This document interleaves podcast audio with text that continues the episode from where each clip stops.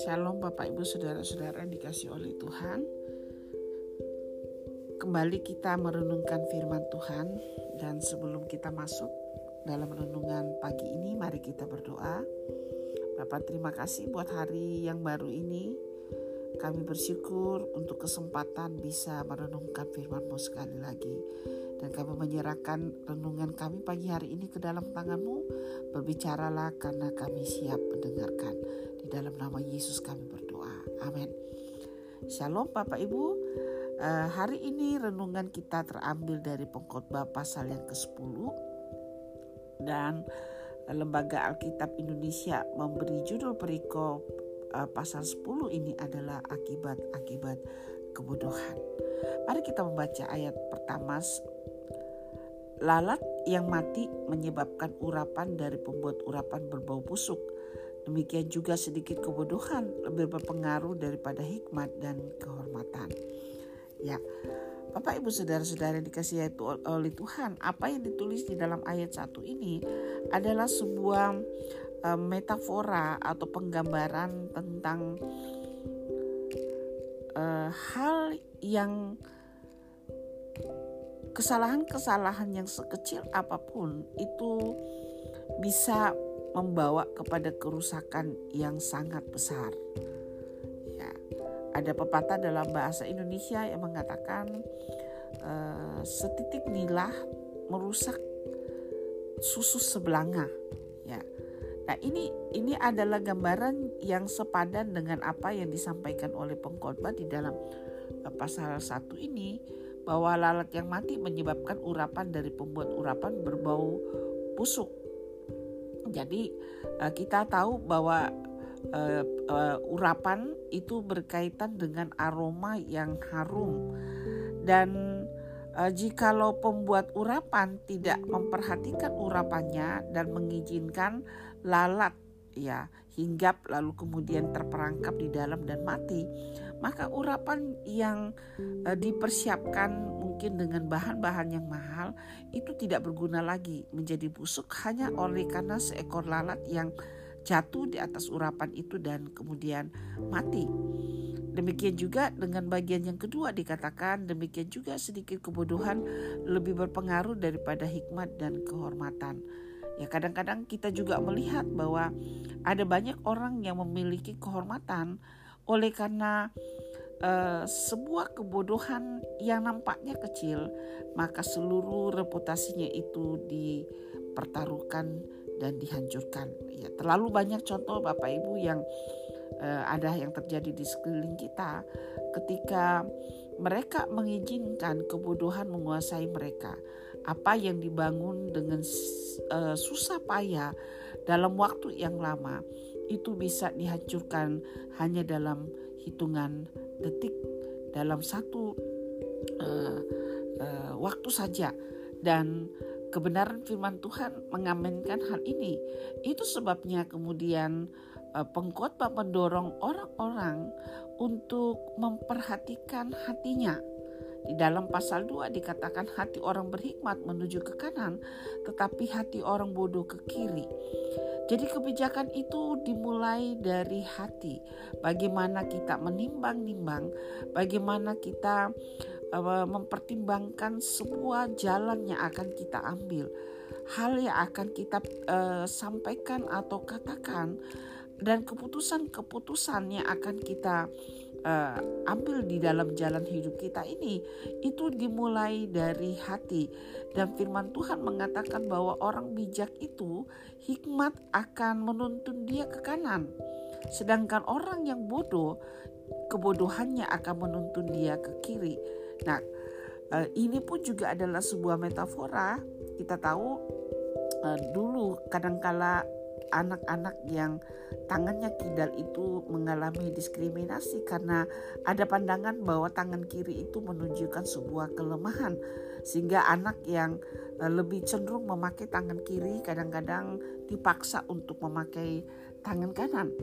Dan eh, Bapak Ibu saudara-saudari dikasih oleh Tuhan ini adalah poin pertama yang mau disampaikan oleh pengkhotbah betapa pentingnya kita dipimpin oleh hikmat berhati-hati, memikirkan, mempertimbangkan untuk bertindak, untuk berkata, dan untuk memutuskan sesuatu. Oleh karena apa yang kita akan lakukan itu dampaknya sangat besar. Ya kalau keputusan yang kita ambil itu adalah sesuatu yang baik, maka itu akan menjadi baik. Tetapi jikalau itu bukanlah sebuah keputusan yang baik, dan membawa kita kepada eh, eh, perilaku-perilaku uh, uh, yang tidak mempermuliakan nama Tuhan, maka jadilah seperti yang dikatakan di dalam pasal 10 ayat 1 ini bahwa sedikit kebodohan lebih berpengaruh daripada hikmat dan kehormatan. Jadi apa yang mungkin dipertaruhkan yang telah dibangun dengan uh, susah payah itu bisa hancur dalam uh, waktu yang begitu singkat oleh karena sebuah kebodohan, oleh karena hidupnya tidak dipimpin oleh hikmat. Nah, tentu saja dalam hal ini adalah hikmat berbicara tentang uh, takut akan Tuhan. Ya, kita tahu bahwa pengkhotbah juga uh, menuliskan Amsal-Amsal dan di dalam Amsal Amsal uh, menegaskan atau penulis Amsal menegaskan bahwa Permulaan hikmat itu adalah takut akan Tuhan, menghormati Tuhan. Dan pengkhotbah juga menekankan hal ini bahwa hikmat dimulai dari hati dan hati yang bagaimana? Hati yang menghormati Tuhan, hati yang takut akan Tuhan, dan hati yang selalu ingin melakukan apa yang dikehendaki oleh Tuhan. Nah, kemudian eh, menarik Bapak Ibu bahwa di dalam ayat yang keempat ini adalah sebuah nasihat secara praktis. Jika amarah penguasa menimpa engkau, janganlah meninggalkan tempatmu karena kesabaran mencegah kesalahan-kesalahan besar.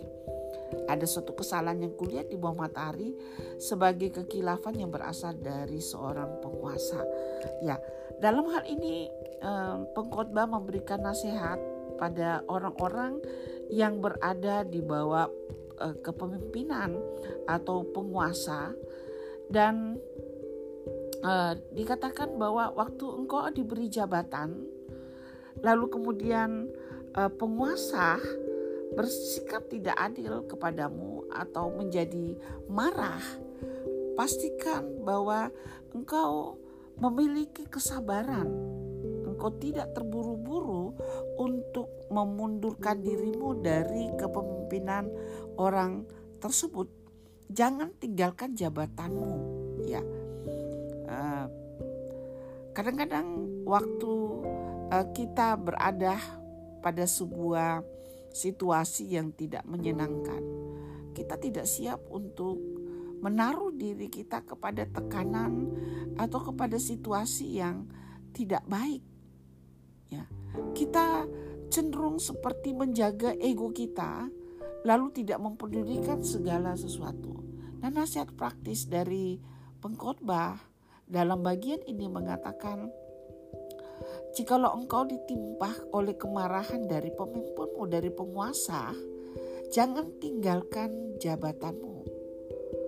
Ya, setialah pada posisimu di mana engkau berada dan engkau akan menemukan bahwa perilaku itu akan menghentikan atau menutup kemungkinan pelanggaran-pelanggaran yang lebih besar lagi.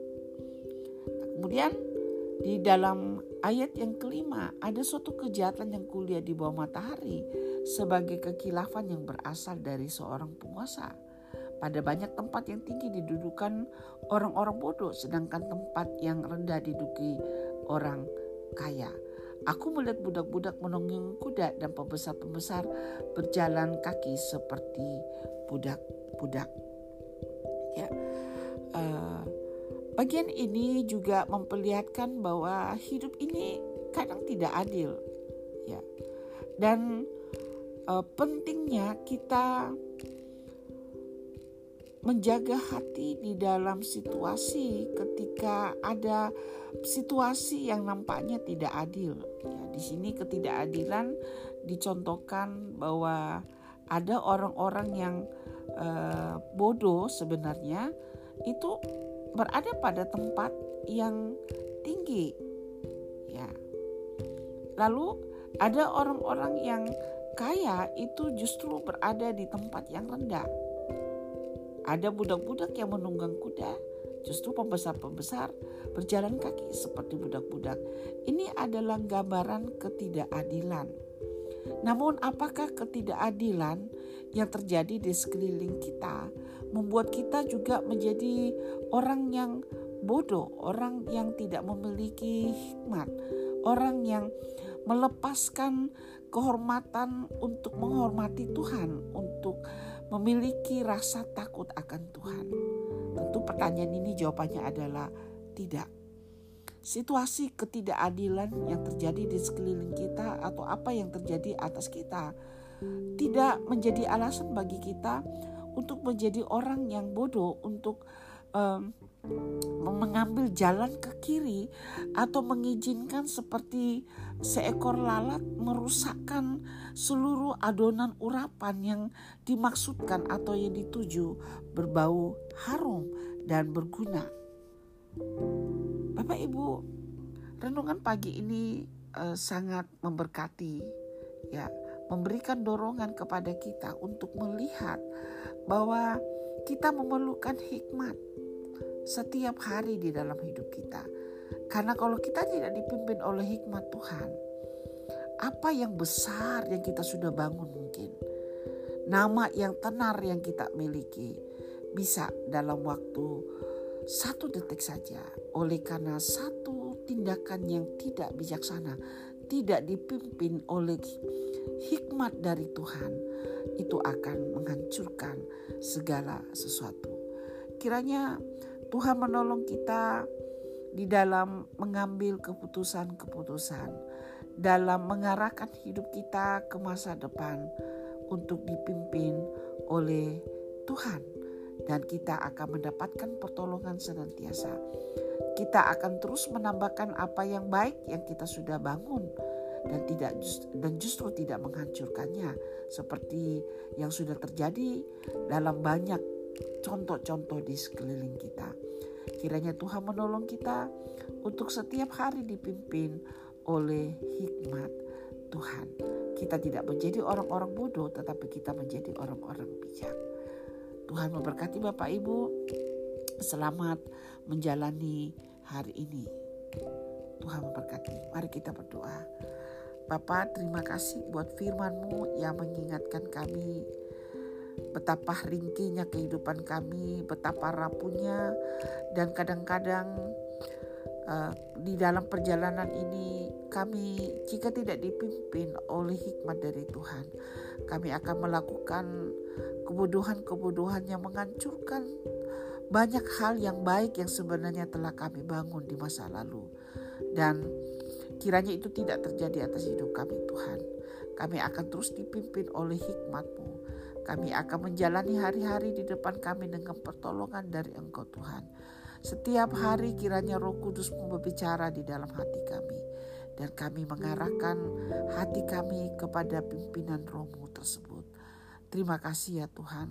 Kami menyerahkan uh, seluruh kegiatan yang ada dalam akhir tahun ini. Pimpin kami Tuhan, sertai kami Tuhan. Terima kasih Bapak, terima kasih. Dalam nama Yesus kami berdoa dan mengucap syukur. Amin.